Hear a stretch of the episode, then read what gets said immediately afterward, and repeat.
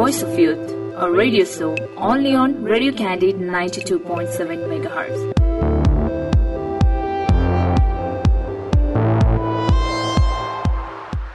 नमस्कार तपाईँ सुन्दै हुनुहुन्छ radio candy ninety two point seven mega hills यो भोइस यो पावर कार्यक्रमको नाम हो भोइस अफ युथ जुन आउने गर्छ हरेक शुक्रबार बेलुकी साढे आठदेखि नौ बजे र विशेष गरी यो कार्यक्रममा हामीले युथ रिलेटेड कुराहरू गर्छौँ। नेसनल बिल्डिङका कुराहरू गर्छौँ युथलाई युनाइट हुने कुरा गर्छौँ युथमा भएका प्रब्लम्सका कुरा गर्छौँ प्रब्लम सल्भिङका कुराहरू गर्छौँ। र यो कार्यक्रम यहाँले रेडियो क्यान्डिडेटको अफिसियल पेजबाट पनि सुन्न सक्नुहुन्छ पोडकास्ट खबर अपको पेजबाट पनि सुन्न सक्नुहुन्छ साथै हाम्रो पात्रको एप डाउनलोड गरेर रेडियो क्यान्डिडेट सुन्न सक्नुहुन्छ।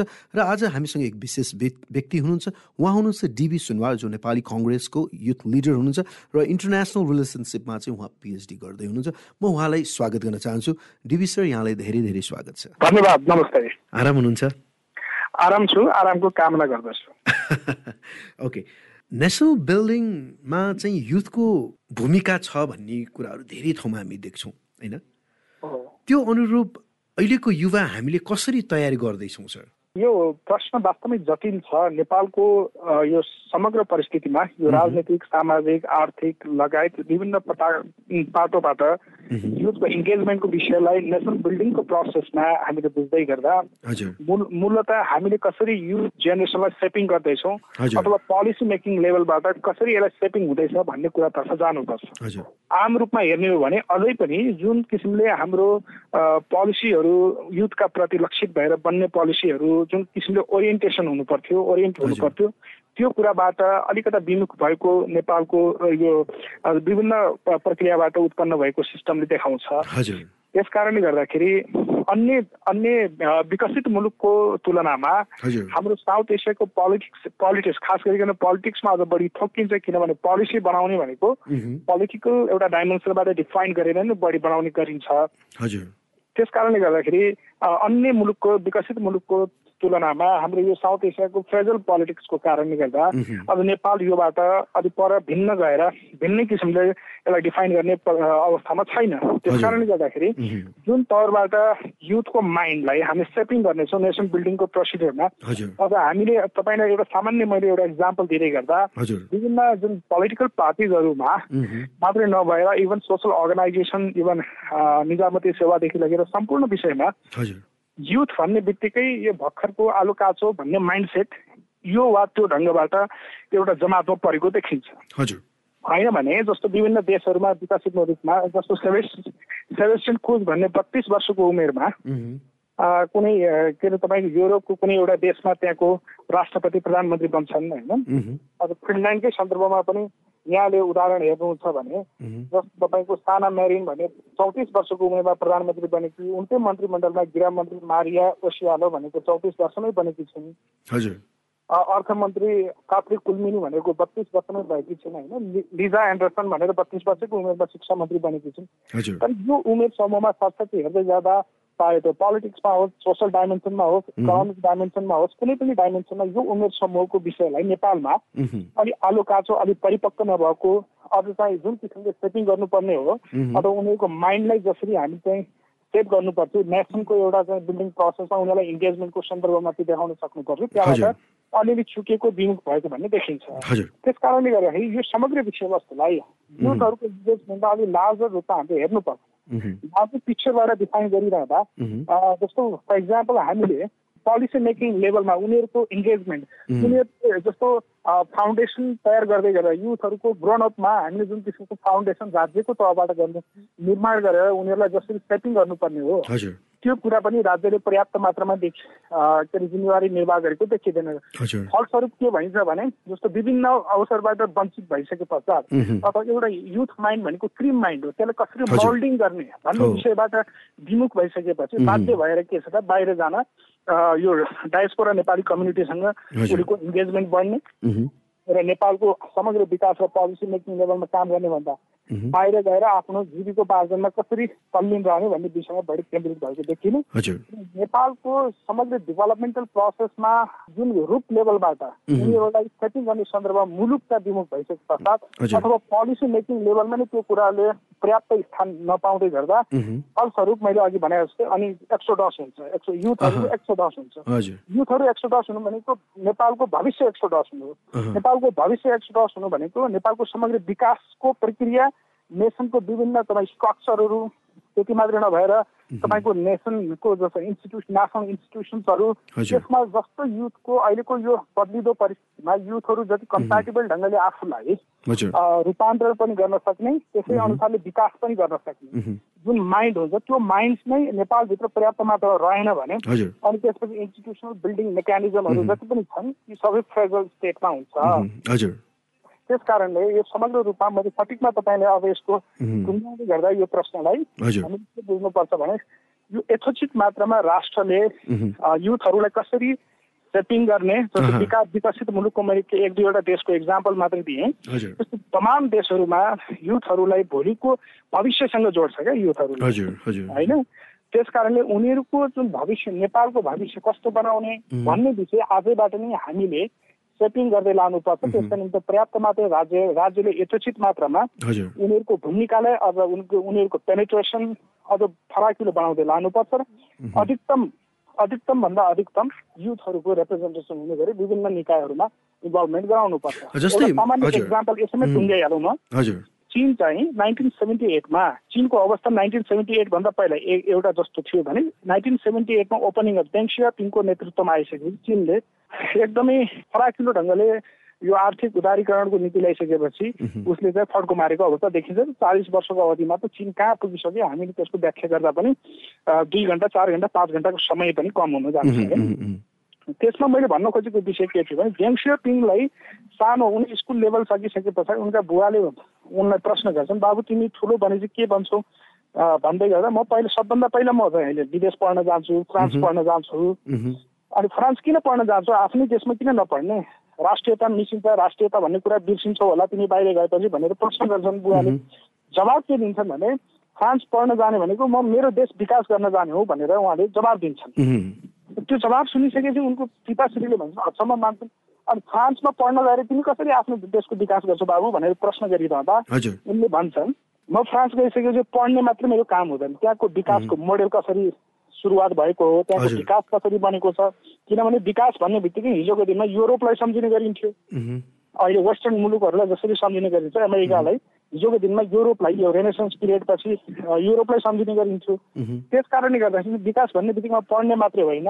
त्यो त्यहाँको विकासको मोडेललाई कसरी सुरुवात गरिएको छ त्यहाँको सोसाइटीको स्ट्रक्चर कस्तो छ जसले गर्दाखेरि विकासमा उनीहरू किन तल्लीन भइराखेका छन् उनीहरूको सिभिलाइजेसन के छ सबै कुराहरू विषयवस्तुहरू अध्ययन गरेर आउँछौँ र आफ्नो देशमा विकासको मोडेल कसरी सुरुवात गर्न सकिन्छ भनेर त्यहाँको रिसर्च मैले चाहिँ मेरो देशमा रेप्लिकेट गर्छु अथवा त्यसलाई परिमार्जित ढङ्गले त्यसलाई प्रयोगमा ल्याउँछु भनेर जवाब दिएका थिए। त्यस कारणले युथहरू भनेको एउटा तपाईँको माउल्ड हो। माउल्डभित्र कसरी हारेर उनलाई सेपिङ गर्ने भन्ने विषय चाहिँ जोडेको हुनाले हामीले पोलिसी मेकिङ र नेसनल बिल्डिङ लेभलमा उनीहरूलाई अधिकतम इन्भल्भमेन्ट गराउनका लागि राज्यले यथोचित मात्रामा उनीहरूलाई अवसरहरू कसरी प्रदान गर्न सकिन्छ भन्ने कुराको वातावरण निर्माण गर्नुपर्छ भन्ने मेरो बुझाइरहेको जस्तै भनौँ न जस्तै हाम्रै पाठ्यक्रमकै कुराहरू गरौँ होइन? विशेष गरी अब मैले पनि पाठ्यक्रममा हामीले पढिराख्दाखेरि चाहिँ एउटा छुट्टै करिकुलम बनाउन सके स्कुल लेभलदेखि नै वा कलेज लेभलदेखि नै गरिराख्दाखेरि चाहिँ मान्छेलाई वा विद्यार्थीलाई वा युवाहरूलाई चाहिँ नेपालप्रतिको माया नेपालप्रति गर्ने एउटा व्यवहार होइन? एउटा डेभलपमेन्टका कुराहरूमा चाहिँ यो सानै उमेरदेखिका प्रिचिङ्सहरू हुन कतिको जरुरत छ? पाठ्यक्रममा पनि एउटा गुड लिडरसिप हुन कसो कस्तो जरुरत छ वा गुड लिडर बन्नलाई के गर्नुपर्छ भन्ने खालका पाठ्यक्रममा हुनु जरुरत छ कि छैन? निश्चय पनि सबैभन्दा पहिलो कुरो कुनै पनि एउटा बालकको लागि एउटा चाहिँ टिनेजमा चाहिँ जम्प गरिरहेको युवाको लागि एउटा सानो बालकको लागि के हो भने घर पहिलो स्कुल हो भने घर चाहिँ शिक्षा ग्रहण गर्ने पहिलो स्कुल हो भने त्यसपछि तपाईँको चाहिँ यो विद्यालय चाहिँ दोस्रो भनेर हामीले बुझ्ने गरिन्छ म तपाईँलाई एउटा उदाहरण दिउँ मलाई लाग्छ सन्ताउन्न अन्ठाउन्न सालसम्म थियो होला। हामीले छ सात क्लासमा कहिले काहीँ त्यो संस्कृत भन्ने विषय पढ्नु पर्थ्यो। हजुर। मोरल साइन्स भन्ने किताब पढ्नु पर्थ्यो। त्यो अहिले अहिलेको क्रिकुलमबाट हटाइएको देखिन्छ। होइन? चीनमा तपाईँको कस्तो हुन्छ विद्यार्थीहरूलाई भने तपाईँको सानैदेखि पेट्रोलिजम नेसनलिस्ट उनीहरूलाई बनाएर त्यसरी सेटिङ गर्दै लगेको छ राज्यप्रति सबैभन्दा ठुलो हाम्रो देश हो देशप्रति हामी इमान्दार बन्नुपर्छ। हामी। सबैले देशको विकास गर्नलाई एक ठाउँमा उभिनुपर्छ। सबै समाजहरू मिलेर बस्यो भने शक्ति हुन्छ। त्यसले गर्दाखेरि देश अझ बढी बलियो हुन्छ र विश्व सामु आफ्नो देश अरूभन्दा पृथक ढङ्गले बलियोसँग रास- राष्ट्रको पहिचान भयो भने जनता पनि त्यसको बलियो हुन्छ। अन्तर्राष्ट्रिय। राजनीतिमा भनेर त त्यसरी विकास गर्दै उनीहरूको दिमागलाई. त्यसरी सेटिङ गर्दै ल्याएको हुन्छ एकातिर। यो भनेको कुरिकुलम मात्रै मार्फतै इन्टरभेन्सन गर्नुपर्ने विषय हो। होइन? पेडागोजीलाई कसरी हामीले निर्माण गर्ने भन्ने विषय त्यहाँ जोडिन्छ। अब जस्तो मोरल साइन्समा के हुन्छ? यो उदाहरणको लागि हेर्दाखेरि सामान्य विषयवस्तु जस्तो लाग्छ। तर गहन विषय हो यो। गहन विषय छ मोरल मोरल साइन्समा के हुन्थ्यो भने नैतिक शिक्षा भन्ने विषयमा के हुन्थ्यो भने तपाईँको आफूभन्दा ठुलोलाई आदर गर्नुपर्छ भनेर पढाइन्थ्यो। आफूभन्दा सानोलाई माया गर्नुपर्छ भनेर पढाइन्थ्यो। समाजमा सब मिलेर बस्नुपर्छ नैतिक भ्याल्युज मोरल भ्याल्युजहरू के छ भन्ने कुराको विषयमा जानकारी गराइन्थ्यो फेरि। विषयमा त्यो विषयमा जुन कुराहरू एउटा उम्रिँदै गरेको उदाउँदै गरेको बच्चाको दिमागमा बालकको दिमागमा हामीले त्यस्ता कुराहरू बुझाउन सकेनौँ भने समाज कतातिर जाँदैछ समाजको बनावटको संरचना कस्तो निर्माण हुँदैछ भन्ने कुरा हामी त्यसै स- सहजै परिकल्पना गर्न सक्दछौँ। अर्को कुरा दोस्रो कुरा मैले संस्कृतको कुरा गरेँ संस्कृत भन्दै गर्दा हामीले धेरै कुराहरू अलिकति हाम्रो सिभिलाइजेसनसँग सोसल भ्याल्युज त्यस- त्यसपछि गएर तपाईँको हाम्रो समाजको निर्माणका विषयहरूसँग किनभने संस्कृत आफैमा विश्वको सबैभन्दा पुरानो भाषा हो। त्यस कारणले हाम्रो चाहिँ स्ट्रक्चर सोसल स्ट्रक्चर कसरी निर्माण भयो भन्ने विषय चाहिँ त्यहाँबाट अलिअलि भाव निर्माण गर्न सकिन्थ्यो होइन? अनि त्यस कारणले यस्ता महत्त्वपूर्ण विषयहरू अहिले हाम्रो कुरिकुलममा कतै पनि देखिँदैन स्कुल लेभलमा। त्यस कारणले यो बेला हामीले महत्त्वपूर्ण ढङ्गले तपाईँले जुन प्रश्न उठान गर्नुभएको छ हजुर। जसरी लिडरसिप डेभलपमेन्टको मात्रै विषय नभएर एउटा सभ्य र सभ्य र सुसूचित नागरिक। एउटा असल नागरिक बनाउने काम चाहिँ एउटा मोरल भ्याल्युजले नै गर्छ भन्ने तपाईँको विचार छ? मोरल भ्याल्युज भनेको फन्डामेन्टल कुरा हो। फाउन्डेसन हजुर हजुर। जस्तो मैले सानैबाट जस्तो आफ्नो पिता श्रीलाई सम्मान गर्नुपर्छ भन्ने विषय मैले सिकाउँदै लगेँ भने उसको दिमागमा सानैबाट त्यो एउटा एउटा छाप इम्प्रेसन बसेर रहेको तर तिम्रो पिता तिम्रो पिता भनेको चाहिँ तिम्रो आदर गर्नुपर्ने व्यक्ति होइन भनेर हामी त्यसरी सेटिङ गर्दै लग्यौँ भने उसको दिमागमा त्यही बसेर गएको हुन्छ। त्यही भएर मैले तपाईँले भन्नु खोजेको विषय के भने लिडरसिप गरिरहँदा कुनै पनि विषयमा खालि लिडरसिप भन्दै गर्दा हामी सामान्य भाषामा पोलिटिक्समा मात्रै बुझ्ने गर्छौँ। त्यो विभिन्न सेक्टरमा हुनसक्छ विभिन्न डाइमेन्सनमा हुनसक्छ। सोसल सेक्टर सोसल सोसाइटल लेभलमा काम गर्ने एउटा सोसल लिडर हुनसक्छ। एजुकेसन सेक्टरमा काम गर्ने एजुकेसन लिडर हुनसक्छ। अन्टरप्रिनर लिडरसिप हुनसक्छ। डिफ्रेन्ट टाइप्स अफ लिडरसिप छ जहाँ चाहिँ महत्त्वपूर्ण ढङ्गले त्यसको बेसिक फाउन्डेसन निर्माण गरिरहँदा पेडागोजीमा यो अनिवार्य रूपमा त्यसलाई इन्क्लुड गर्नुपर्ने विषय छ। यो यो हाम्रो शिक्षा प्रणालीमा यी कुराहरू फेरि पनि हामीले नजरअन्दाज गरेर अगाडि बढ्न खोज्यौँ। अर्थात् यसलाई चाहिँ हामीले सामान्य रूपमा डिनाइ गर्दै अथवा यसो ल्याकाडेजिकल गर्न खोज्यौँ भने यसले चाहिँ भोलिको दिनमा अझ फेरि समाजमा विखण्डन उत्पन्न गर्छ र तपाईँ हामीले खोजेको लिडरसिप भोलिको दिनमा जुन अवसरमा नेपालका लागि आवश्यक छ त्यो लिडरसिपबाट मुलुक विमुख हुन सक्ने सम्भावना र खतरा पनि त्यत्तिकै छ। जस्तै हामी देख्छौँ नि एउटा गुड लिडर बन्नलाई चाहिँ ढुङ्गामुढा गर्नै पर्छ भन्ने यो हुन्छ नि आन्दोलनमै आउनुपर्छ भन्ने खालका पनि छन्। कति हामीले त्यो पनि सुन्छौँ होइन? तर त्यही चिज डिबेटिङ गरेर त्यही चिजमा आइडिया सेयरिङ गरेर त्यही चिजमा चाहिँ इन्ट्रोभर्ट तरिकाले चाहिँ राष्ट्र निर्माणका कुराहरू गरिराख्दाखेरि के वास्तवमा एउटा लिडर बन्नलाई चाहिँ सडकमा उत्रु पर्ने हो त? फरक ढङ्गले हामीले व्याख्या गर्नुपर्छ भन्ने लाग्छ मलाई। हजुर। हाम्रो यो सडकमा ढुङ्गा ढुङ्गा मुढा गर्ने यो फ्रेजल पोलिटिक्स जहाँ विद्यमान रहन्छ। त्यो। पोलिटिकल सिस्टम भएको ठाउँमा यस्ता खालका गतिविधिहरू सृजनात्मक ढङ्गले त्यसलाई नै प्रभावकारी बनाउन खोजिएको देखिन्छ। तर तर विकसित मुलुकमा हेर्नुहुन्छ जस्तो फर इक्जाम्पल अक्सफोर्ड युनिभर्सिटीमा पनि त्यहाँ स्टुडेन्ट पोलिटिक्स हुन्छ। तर political politics in a sense कुनै पनि दल विशेषको झन्डा बोकेर त्यहाँको विद्यार्थीहरू चाहिँ त्यहाँको स्टुडेन्ट राजनीतिमा स्टुडेन्ट पोलिटिक्समा इन्भल्भ हुँदैन। उनीहरू केमा। हुन्छन् त इस्यु बेसमा हुन्छन् फर इक्जाम्पल ग्लोबल वार्मिङ भन्ने इस्युज हुन्छ। विभिन्न त्यहाँको डिस्कोर्स हुन्छ। विभिन्न डिस्कोर्स हुन्छ। अनि त्यहाँको स्टुडेन्ट पोलिटिक्समा कस्तो हुन्छ भन्दाखेरि त्यहाँको काउन्सिलको चुनाव पनि हुन्छ। जुन भनेको जस्तो अमेरिकन प्रेसिडेन्सियल सिस्टममा जसरी प्रेसिडेन्ट सेलेक्ट गर्छ प्रिलिमिनरी इलेक्सनमा त्यसै गरी त्यहाँबाट पनि के हुन्छ भने एकदम ठुलो दुई तिन दिनको ठुलो विहङ्गम डिस्कोर्स गर्छ। कसको आर्गुमेन्ट कुनै मुद्दाको विषयमा उसको आर्गुमेन्ट के छ? र जबरजस्त ढङ्गले उसले चाहिँ भोलिको दिनमा लिडरसिप क्वालिटी डेभलप गर्न सक्छ। भन्ने विषय चाहिँ त्यहाँका विद्यार्थीहरू मजाले सुनेर तिन चार दिन मजाले सुनेर उनीहरूले आफै डिटर्माइन गर्छन् त्यसरी भोटिङ गर्छ भनेपछि वर्किङ फ्रजाइलका कुराहरू आए। काम गर्ने तबरका उसको मेन्टालिटी के छ? उसले देशलाई कहाँसम्म लिएर जान सक्नुपर्छ भन्ने खालका भन्ने विषयमा फ्रजाइल रूपले चाहिँ जानु पर्यो भन्ने कुरा आयो। एकदमै एकदमै एकदमै। त्यस कारणले यो लिडरको विषयमा हामीले बुझ्नुपर्ने के हो भने लिडरको एलले के भन्छ लिड बाई एक्जाम्पल भन्छ।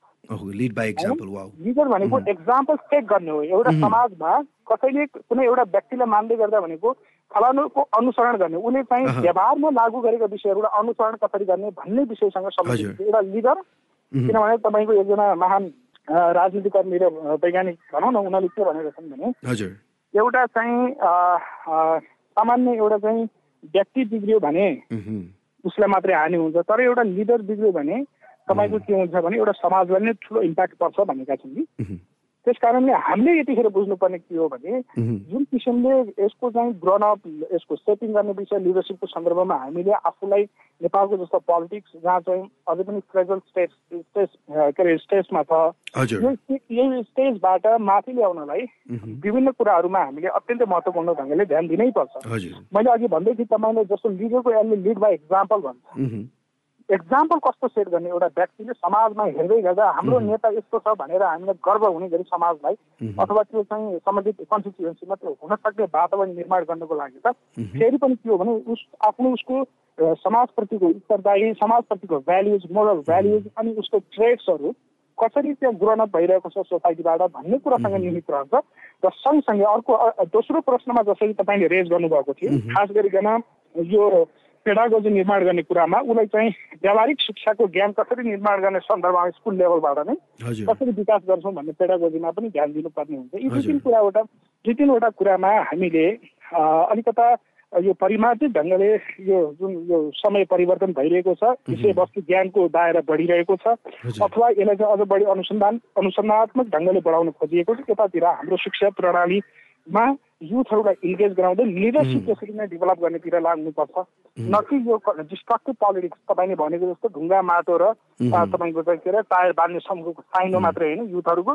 युथहरूको भनेको ठुला ठुला इस्युजहरूमा डिस्कोर्स गर्ने ठुला ठुला इस्युजहरूलाई नेसनल स्टेजमा रिफर्मेटिभ ढङ्गले कसरी उठान गर्ने र सँगसँगै त्यसलाई एउटा गन्तव्यमा पुर्याउनको लागि ठुलो इभल्युसनरी कन्स्ट्रक्टिभ रिभल्युसनरी एक्सनबाट बढ्न सकिन्छ भन्ने विषयमा नै केन्द्रित गराउनुपर्छ जस्तो लाग्छ।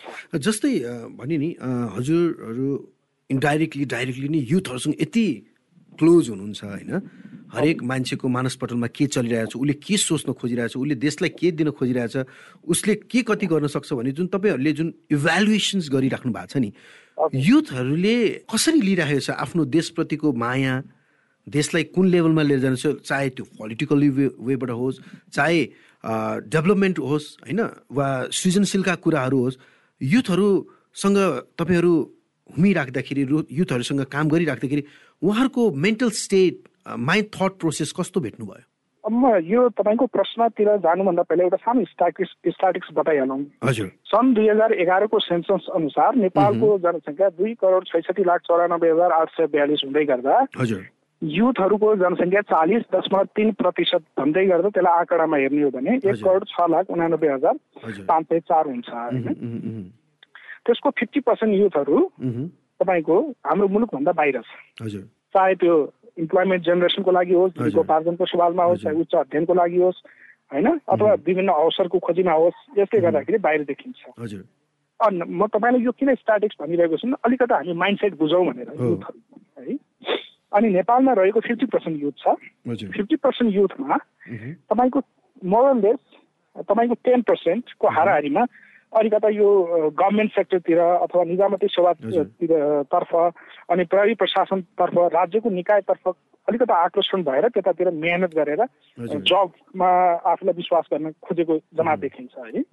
अब टेन अर सो पर्सेन्ट भनेको तपाईँको लगभग यो अलिकति बिजनेस ओरिएन्टेड एक्टिभिटिजहरूतिर इन्भल्भ भएको देखिन्छ बाँकी रहेको युथहरू भनेको तपाईँको मोरलेस थर्टी पर्सेन्ट युथहरू नेपालभित्र रहेको फिफ्टी पर्सेन्टको थर्टी पर्सेन्ट युथहरू मोरलेस स्टुडेन्ट पोलिटिक्समा आफूले कसरी अवसरहरू खोज्न सकिन्छ भनेर एउटा सामान्य स्ट्याटिक्स यस्तो देखिन्छ। यसले के देखाउँदैछ भन्ने कुरा बुझ्दै जाँदा जुन देशमा फ्रेजल पोलिटिक्स हुन्छ जुन देशमा तपाईँको राजनीतिक स्थायित्व हुँदैन। त्यो देशमा बढीभन्दा बढी युथहरू पोलिटिक्स प्रति आकर्षण भएको हो कि भन्ने खालको देखिन्छ। जस्तो आजको दिनमा तपाईँले उदाहरण दियो जस्तो न्युयोर्क भन्ने स्टेटमा अमेरिकाको न्युयोर्क भन्ने स्टेटमा तपाईँको स्टुडेन्ट पोलिटिक्समा हाम्रो जस्तो यहाँको नाराबाज दुनियाँभर भएको देखिँदैन। म जापान तपाईँले एउटा रमाइलो इन्सिडेन्ट सुनाउँछु। जापानमा म एकचोटि एउटा कार्यक्रममा जाँदै गर्दा त्यहाँ एकजना एकजना त्यहाँको लोकल लोकल इलेक्सन भइरहेको रहेछ क्यान्डिडेट उनी चाहिँ आफू एउटा बसमा सामान्य त्यो एउटा आफै सिङ्गल एउटा बसको माथि उभिएर माइकबाट उनी भाषण गर्दै मान्छेहरू आफ्नो तरिकाले हिँडिरहेका थिए बाटोमा। त्यतातिर ध्यान छ छैन भन्ने कुरा चाहिँ खासै छुट्याउन सकिँदैन थियो। मैले भन्न खोजेको विषय हाम्रो यहाँ देशमा एउटा सामान्य र्याली गर्दै गर्दा ती युथहरू मोटरसाइकलमा तेल हालेर होस् भाडामा ल्याएर होस् कम्तीमा पनि कसरी सङ्ख्याबाट बढी देखाउन सकिन्छ भनेर कम्पिटिसन गरिरहेको देखिरहेको भन्नुको मतलब के बुझिन्छ भने इम्प्लोइमेन्टमा इन्गेज नभइसकेपछि खालि दिमाग सैतानका घर भनेर एउटा हिन्दीमा कहावत छ। जुन कुरामा युथ माइन्डलाई इन्गेजमेन्ट गराउन हामीले सकिरहेको हुँदैनौँ कन्स्ट्रक्टिभ पोलिटिक्समा कन्स्ट्रक्सनमा देशको समग्र नेसन बिल्डिङ प्रोसिडरमा उनीहरूको इन्भल्भमेन्ट गराउन सकिँदैनौँ भने त्यसले प्रतिकूल अवस्था कहाँ सिर्जना गर्दो रहेछ भने अनावश्यक कुरामा बढी चाहिँ युथहरूको इन्गेजमेन्ट भएको देखिँदो रहेछ। र हामीले जसरी हामीले युथहरूसँग विभिन्न कार्यक्रमहरूमा फोरमहरूमा विभिन्न देश दौडामा होस् इन्टरनेसनल के अरे तपाईँको सिम्पोसियम अब कन्फरेन्सहरूमा होस् नेपालबाट प्रतिनिधित्व गर्दै जाँदै गर्दा पनि त्यहाँको र यहाँको भिन्न किन देखिन्छ भने उनीहरू हरेक कुराहरूलाई सूक्ष्म ढङ्गले एकदम तपाईँको रिसर्च बेसमा नै आफूलाई बढी ओरिएन्ट भएको देखिन्छ। तर यहाँको युथहरूको माइन्ड्सहरू के छ भन्दाखेरि जस्तो मैले अघि तपाईँ यहाँ भने जस्तो अनइम्प्लोइमेन्टको कारणले पनि हुनसक्छ कि उनीहरू पोलिटिक्सप्रति बढी आकर्षण यहाँबाट केही अवसर प्राप्त गर्न सकिन्छ भन्ने खालको जस्तो यो यो कुरा कहाँ जोडिन्छ भने एउटा युथ राम्रो पढाइमा अब्बल छ पढाइमा अब्बल भएको युथ चाहिँ तपाईँको लोकसेवा परीक्षामा पास गर्छ लिखित परीक्षा। त्यसपछि अन्तर्वार्ताको बेला आउँदै गर्दा अनि ऊ चाहिँ राम्रो हुन्छ एकदम अब्बल रहन्छ। ऊ चाहिँ अरूभन्दा प्रतिस्पर्धीमा अब्बल हुँदै गर्दा पनि उसले चाहिँ के हुन्छ भने सारा कहाँ खोज्नु जान्छ पोलिटिक्समा। एउटा नेताको पछाडि लागेर हजुर मेरो भोलि इन्टरभ्यू छ। तपाईँले फलानु ठाउँमा लोकसेवाको पदाधिकारी लोकसेवाको अधिकारीलाई भनिदिनु पर्ने भयो अथवा सम्बन्धित निकायको अधिकारीलाई भनिदिनुपर्छ एउटा फोन चाहिँ हजुरले गरिदिनुपर्छ क्यानभासिङ गरिदिनै पर्छ भनेर त्यसरी उनीहरू चाहिँ अप्रोच गरेको देखिन्छ। भन्नुको मतलब यहाँ यहाँको जुन सिस्टम छ यहाँको पोलिटिकल सिस्टम यहाँको चाहिँ यो यो इन्स्टिट्युसनल भित्र रहेको जुन एउटा सिस्टम छ त्यो सिस्टमले उसलाई चाहिँ बाध्य भएर यो वा त्यो ढङ्गले एट्याचमेन्ट पोलिटिकल्ली एट्याचमेन्ट बनाउन खोजिएको देखिन्छ। यो डिस्प्यारिटी यो डिस्क्रिपेन्सीले गर्दाखेरि युथहरूको माइन्ड अझै पनि एउटा स्टेबल अवस्थामा छैन। जसले गर्दाखेरि स्टेबल अवस्थामा कसरी ल्याउने अथवा विकासको कुनै लिडर कुनै पनि सेक्टरको लिडरसिपमा उनीहरूलाई जोड्नका लागि कसरी हामीले फाउन्डेसन निर्माण गर्छौँ भन्ने विषयमा केन्द्रित हुनु जरुरी छ। त्यो डिस्ट्राक्सन भएको युथको माइन्डलाई यो रिस्टोर गरेर नेसन बिल्डिङमा कसरी जोड्ने भन्ने कुरामा नै ध्यान दिन सक्यो भने यो मुलुकले समग्र रूपमा युथहरूबाट हाइली पोटेन्सियल युथहरूबाट जुन ढङ्गको लाभ लिन सक्नुपर्छ अनि बल्ल सम्भव हुन्छ भन्ने मलाई लाग्छ। And thank you so much DV sir तपाईँ एकदम व्यस्त समयमा पनि यति राम्रो कुरा गर्नुभयो होइन? तपाईँ एउटा पोलिटिकल सिनारोमा पनि हुनुहुन्छ तपाईँ पोलिटिकल पनि इन्भल्भ भइराख्नुहुन्छ विशेष गरी युथहरूसँग होइन? केही गर्नुपर्छ देश निर्माणको पाइलामा तपाईँ हिँडिराख्नु भएको छ। र हाम्रो शुभकामना रेडियो क्यान्डिडेटको तर्फबाट होइन? जाँदा जाँदै केही भन्न चाहन्छु सम्पूर्ण युथ जसले तपाईँलाई अहिले सुन्दै हुनुहुन्छ होइन? यति इन्सपाइरिङ कुराहरू गर्नुभएको छ होइन? मलाई पक्कै पनि अझै कुरा चाहिँ गर्नु मन लागिरहेको थियो होइन?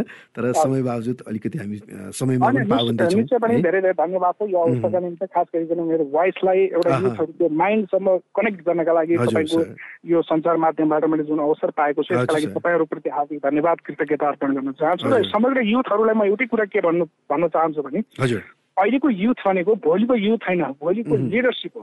अहिलेको युथ हो युथ भनेको भोलिको यो देशको रेस्पोन्सिबिलिटी हो। अहिलेको युथ भनेको भोलि चाहिँ यो देशलाई कुन दिशातर्फ दिशाबोध गर्ने भन्ने खालको नीति निर्माण गर्ने ठाउँमा बस्ने एउटा जवाब हो। त्यस कारणले अहिलेबाट हामी एउटा सचेत युवाको परिकल्पना गर्दै गर्दा कम्तीमा पनि आफूले कसरी ग्रोनअप गर्ने कन्स्ट्रक्टिभ ठाउँबाट दिशातर्फ आफ्नो पहिचान कसरी निर्माण गर्ने भन्ने विषयमा हामी इन्गेज हौँ इन्भल्भ हौँ। यही कुरा म समस्त युवाहरूलाई आग्रह गर्न चाहन्छु र यतातर्फ नै बढी आफूले केन्द्रित हुँदै गर्दा भविष्य निश्चय पनि जुन खालको आक्षेप अहिलेको जेनेरेसनमा लाग्ने गर्छ त्योबाट मुक्त हुने अवसर पनि पाइन्छ भन्ने मलाई लाग्छ। धन्यवाद। Thank you so much sir thank you पक्कै पनि आजको जुन भलाकुसारी रह्यो डिबी सुनवार सरसँग र यो एकदम इफेक्टिभ रह्यो मलाई चाहिँ एकदम इफेक्टिभ लाग्यो। पक्कै तपाईँहरूलाई पनि लाग्यो भने म विश्वस्त छु। यति भन्दै म यहाँहरूमा बिदा हुन चाहन्छु। सुन्दै गर्नुहोस् radio candy ninety two point seven mega यो भोइस यो पावर गुड नाइट